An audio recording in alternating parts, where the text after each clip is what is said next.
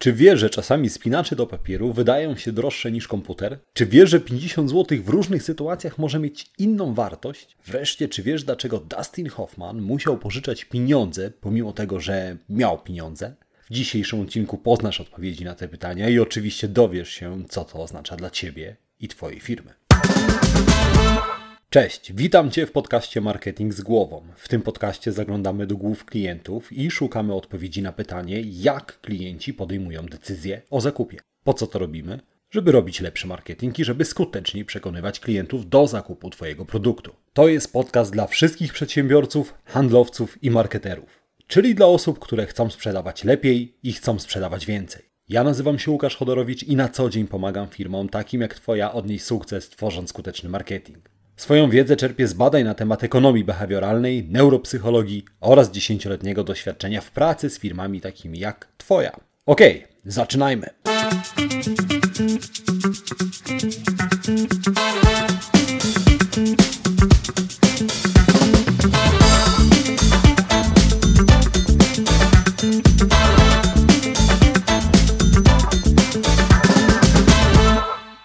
Zanim zaczniemy, pamiętaj, że więcej informacji o tym, jak zrozumieć klienta, jak robić lepszy marketing i jak więcej sprzedawać, znajdziesz w moich newsletterach. Tak, są dwa.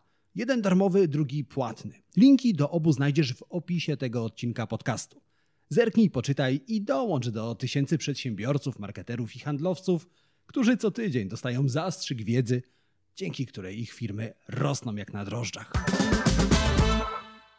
Przed nami szósty odcinek serii podcastów, w których rozmawiamy o cenach. Zastanawiamy się, jak klienci postrzegają ceny, szukamy sposobu, aby lepiej prezentować Twoje ceny i szukamy sytuacji, w których klienci zwracają mniejszą uwagę na cenę. Jeżeli słuchałeś poprzednich odcinków z tej serii, to wiesz już, że w psychologii występuje 9 zjawisk, które wpływają na postrzeganie ceny. Te zjawiska sprawiają, że klienci są mniej wrażliwi na ceny, czyli przymykają oko na wyższą cenę. A jeśli z jakiegoś powodu przegapiłeś poprzednie odcinki, to warto do nich wrócić. Być może w poprzednich odcinkach znajdziesz sposób, który pomoże Ci podnieść Twoje ceny.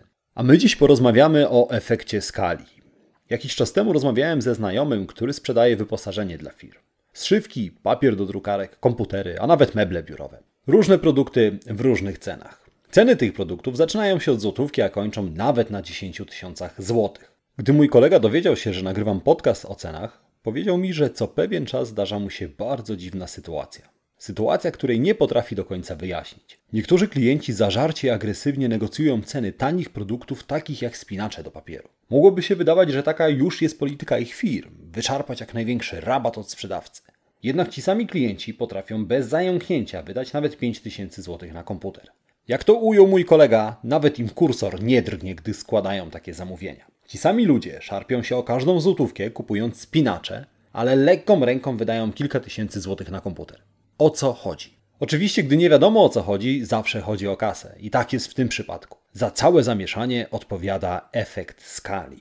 Efekt skali sprawia, że to, ile klienci są gotowi zapłacić za produkt, zależy od skali budżetu, jakim dysponują. Innymi słowy, jeżeli ludzie dysponują dużym budżetem, chętnie wydają więcej. Jeżeli ludzie dysponują niewielkim budżetem, są bardziej oszczędni. Teraz pewnie pomyślisz, no dobra Łukasz, ale Ameryki to ty chłopie nie odkryłeś. To jasne, że jeżeli zarabiam więcej, czyli mam większy budżet, to chętnie kupuję droższe produkty. Osoba, która zarabia 3000 zł, raczej nie kupi zegarka za 1000 zł. Za to osoba, której miesięcznie na konto wpływa 7000 i owszem.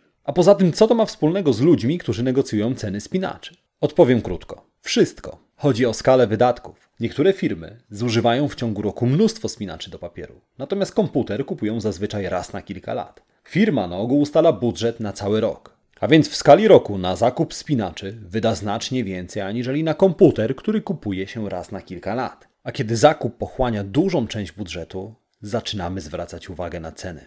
Ludzie w odróżnieniu od firm ustalają swój budżet w skali miesiąca. Jakikolwiek zakup, który znacząco uszczupli miesięczny budżet, sprawi, że klienci zaczną porównywać ceny. Dla rodziny z miesięcznym budżetem 5000 zł, telewizor za 3000 zł jest dużym wydatkiem. Jeśli w tej rodzinie jest kilkoro dzieci, to również zakup jedzenia będzie miał duży wpływ na miesięczny budżet. W każdym z tych wypadków rodzina będzie porównywać ceny i będzie szukała tańszych alternatyw. Jak poradzić sobie z klientami, którzy porównują ceny? Na ten temat rozmawialiśmy w pierwszym i czwartym odcinku podcastu Marketing z Głową. Linki do tych odcinków umieszczę w opisie tego podcastu. Jeżeli wśród Twoich klientów są osoby, które porównują ceny Twojego produktu do produktów konkurencji, warto wrócić do tych odcinków. No dobrze, ale czy jest coś jeszcze, co możesz zrobić, aby zakup Twojego produktu lub usługi mniej nadwyrężał budżet Twojego klienta?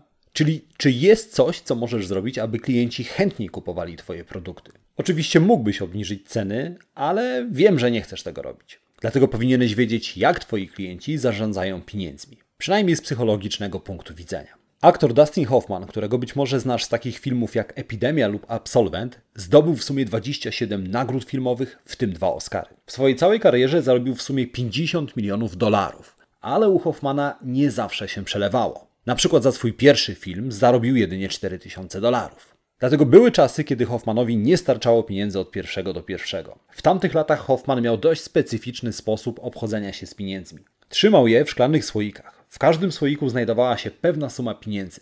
Na słoikach aktor przyklejał białe etykiety, które podpisywał. W ten sposób oznaczał cel, na który może przeznaczyć pieniądze z różnych słoików. Hoffman miał oddzielny słoik z pieniędzmi m.in. na czynsz, na telefon, na jedzenie i na nagłe wypadki. Pewnego razu Hoffmana odwiedził kolega, aktor Gene Hackman, ten, który grał m.in. Lexa Luthora w filmie Superman. Ponieważ Hackman finansowo radził sobie lepiej od Hoffmana, Hoffman poprosił go o pożyczkę. Gene Hackman już wyciągał pieniądze z portfela, ale wtedy zauważył słoiki na półce. We wszystkich, poza jednym, były pieniądze. Więc Hackman zapytał kolegę, dlaczego chce pożyczyć pieniądze, skoro ma własne. Wtedy Hoffman odpowiedział: Widzisz, skończyła mi się kasa na jedzenie. Mam tylko pieniądze na czynsz, na rachunki i na nagłe wypadki. I nie mogę wydać ich na inny cel. Ta historia pokazuje, jak ludzie zarządzają budżetem. Co prawda, na ogół nie trzymają pieniędzy w słoikach, ale za to rozdzielają budżet w głowach, na tak zwanych mentalnych kontach. Słoiki są odpowiednikiem kont mentalnych. Na kontach mentalnych przechowujemy pieniądze na różne cele. Mamy w głowie konto, na którym rezerwujemy pieniądze na jedzenie, na rachunki, na paliwo. Dlaczego te mentalne konta są tak istotne z punktu widzenia cen? Ponieważ pieniądze na różnych kontach mentalnych traktujemy inaczej. Wyobraź sobie, że kilka dni temu dostałeś mandat za złe parkowanie. Musisz zapłacić 100 zł kary. Trudno, stało się. Dziś dzwoni znajomy i mówi, że w kinie leci świetny film. Pyta, czy się wybierzesz. Bilet plus popcorn kosztuje 50 zł. Czy pójdziesz? A teraz wyobraź sobie podobną sytuację. Wyobraź sobie, że kilka dni temu wydałeś 100 zł na bilet na koncert. Dziś dzwoni znajomy i mówi, że w kinie leci świetny film. Pyta, czy wybierzesz się z nim. Bilet plus popcorn kosztuje jak poprzednio 50 zł. Czy i tym razem pójdziesz? Większość ludzi, którzy wcześniej wydali 100 zł na koncert, do kina nie pójdą. Dlaczego? Bo pieniądze na koncert i film pochodzą z tego samego konta mentalnego rozrywka. A skoro w tym tygodniu wydałem już 100 zł na rozrywkę, to kino sobie odpuszczę. Inaczej jest w przypadku osób, które wcześniej zapłaciły za mandat. Ci ludzie inaczej patrzą na 100 zł, ponieważ pieniądze pochodzą z innego konta mentalnego, na przykład na rachunki. Chociaż logika nakazuje nam o pieniądzach myśleć w ten sam sposób, niezależnie od sytuacji, widzimy, że tak nie jest. Ale nie tylko pieniądze z różnych kont mentalnych traktujemy inaczej.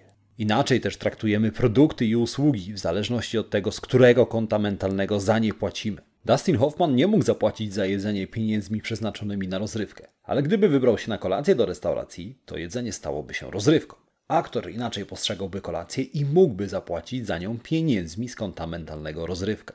Jeden produkt może wpadać do różnych kategorii i do różnych kont mentalnych. Być może Coca-Cola kojarzy Ci się z napojem, który pijesz tylko przy specjalnych okazjach, na imprezie albo podczas obiadu w restauracji. Płacisz za Coca-Colę pieniędzmi z konta mentalnego rozrywka.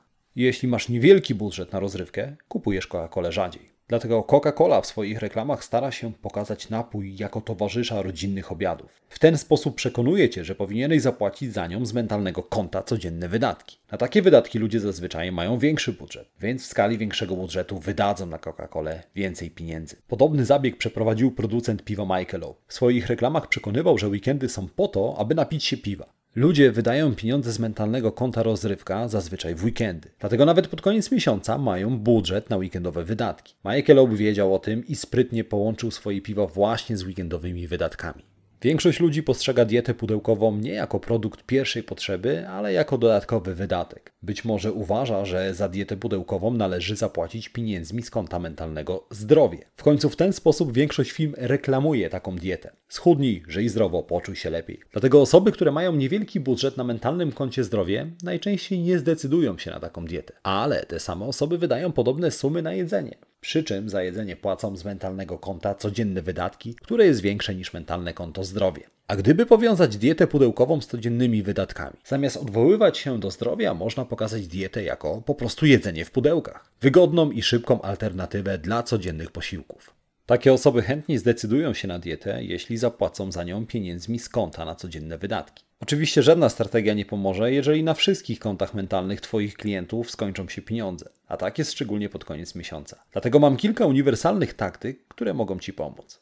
Promocje najlepiej sprawdzają się, gdy klienci zamykają swoje konta mentalne, czyli pod koniec miesiąca. Wtedy budżety się kurczą, a zgodnie z efektem skali każdy wydatek wydaje się duży. Jeżeli planujesz zrobić promocję, to najrozsądniej zrobić ją właśnie pod koniec miesiąca. Możesz również odwrócić proporcje i na początku miesiąca sprzedawać swój produkt po wyższej cenie, bo wtedy na kontach mentalnych są pieniądze. Początek miesiąca to również dobry moment, aby zaproponować klientom vouchery na Twoje usługi. Gdy klienci dysponują większym budżetem, łatwiej wydają pieniądze, a vouchery zrealizują nawet wtedy, gdy ich konta mentalne będą puste. Efekt skali zmniejszysz również za pomocą ramowania. O tym rozmawialiśmy w poprzednim odcinku. Pokaż cenę swojego produktu z odpowiedniej perspektywy. Zamiast mówić o cenie jako o dużym wydatku w skali budżetu, rozbij cenę na mniejsze kwoty. Roczne ubezpieczenie, które kosztuje 3000 zł, łatwiej sprzedać, jeżeli pokażesz cenę jako równowartość 9 zł dziennie przez rok. A jeszcze lepiej jako równowartość jednej kawy. Bank PKO porównywał ceny pożyczek do dziennego zakupu kostki rosołowej. Dokładnie w ten sam sposób działają raty, zmniejszają efekt skali. Wiadomo, że klienci wydają chętniej, gdy mają większy budżet. Nie da się oczywiście zajrzeć do portfeli klientów, ale można przyjąć pewne założenia. Szczególnie gdy wiesz, jak klienci zarządzają swoimi pieniędzmi na kontach mentalnych. Więc do dzieła, zmniejszaj efekt skali i sprzedawaj więcej. Ale najpierw trzy najważniejsze rzeczy do zapamiętania. Po pierwsze, efekt skali sprawia, że ludzie chętniej kupują, gdy cena wydaje im się niewielka w porównaniu do budżetu, którym dysponują. Po drugie, ludzie wydają pieniądze w oparciu o konta mentalne. Pieniądze na różnych kontach traktują inaczej. Po trzecie, pamiętaj o tym, jak redukować efekt skali. Przypisuj swoje produkty do innych kont mentalnych, na koniec miesiąca planuj promocje, a ceny rozbijaj na mniejsze kwoty. Na dziś to wszystko. My, jak zawsze, słyszymy się za tydzień. Przed nami jeszcze trzy zjawiska psychologiczne, które sprawiają, że klienci chętniej kupią Twój produkt, nawet po wyższej cenie. W przyszłym tygodniu porozmawiamy o efekcie dzielenia kosztów. A jeżeli dziś dowiedziałeś się czegoś nowego, polub ten odcinek i zostaw komentarz. A jeśli znasz kogoś, komu ten podcast może się przydać, wyślij mu link. Dzielmy się wiedzą. No dobra, słyszymy się za tydzień w kolejnym odcinku podcastu Marketing z głową. Do usłyszenia. Cześć.